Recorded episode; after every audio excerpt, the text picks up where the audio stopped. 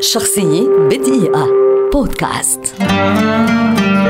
لويزا ماي ألكوت. كاتبة وروائية أمريكية كبيرة برعت في كتابة الرواية وقصص الأطفال وتعد من أبرز الكاتبات في التاريخ في هذا المجال ولدت عام 1832 كان عليها كسب معيشتها في سن مبكرة فبدأت بأعمال الحياكة والتدريس ثم عملت كممرضة خلال الحرب الأهلية الأمريكية وشرعت في كتابة الرسائل لاحقا تحت عنوان صور من مستشفى. قبل أن تبدأ في كتابة القصص والروايات التي لاقت منذ البداية قبولا ونجاحا كبيرين.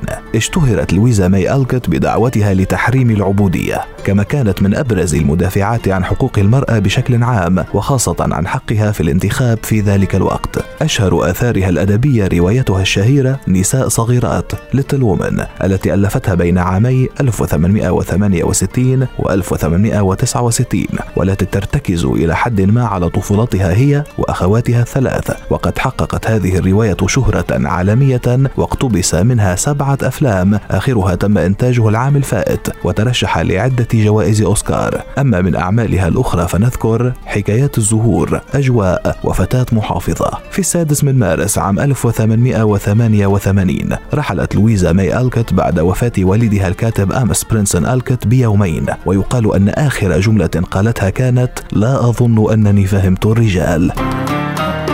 شخصية بدقيقة. بودكاست.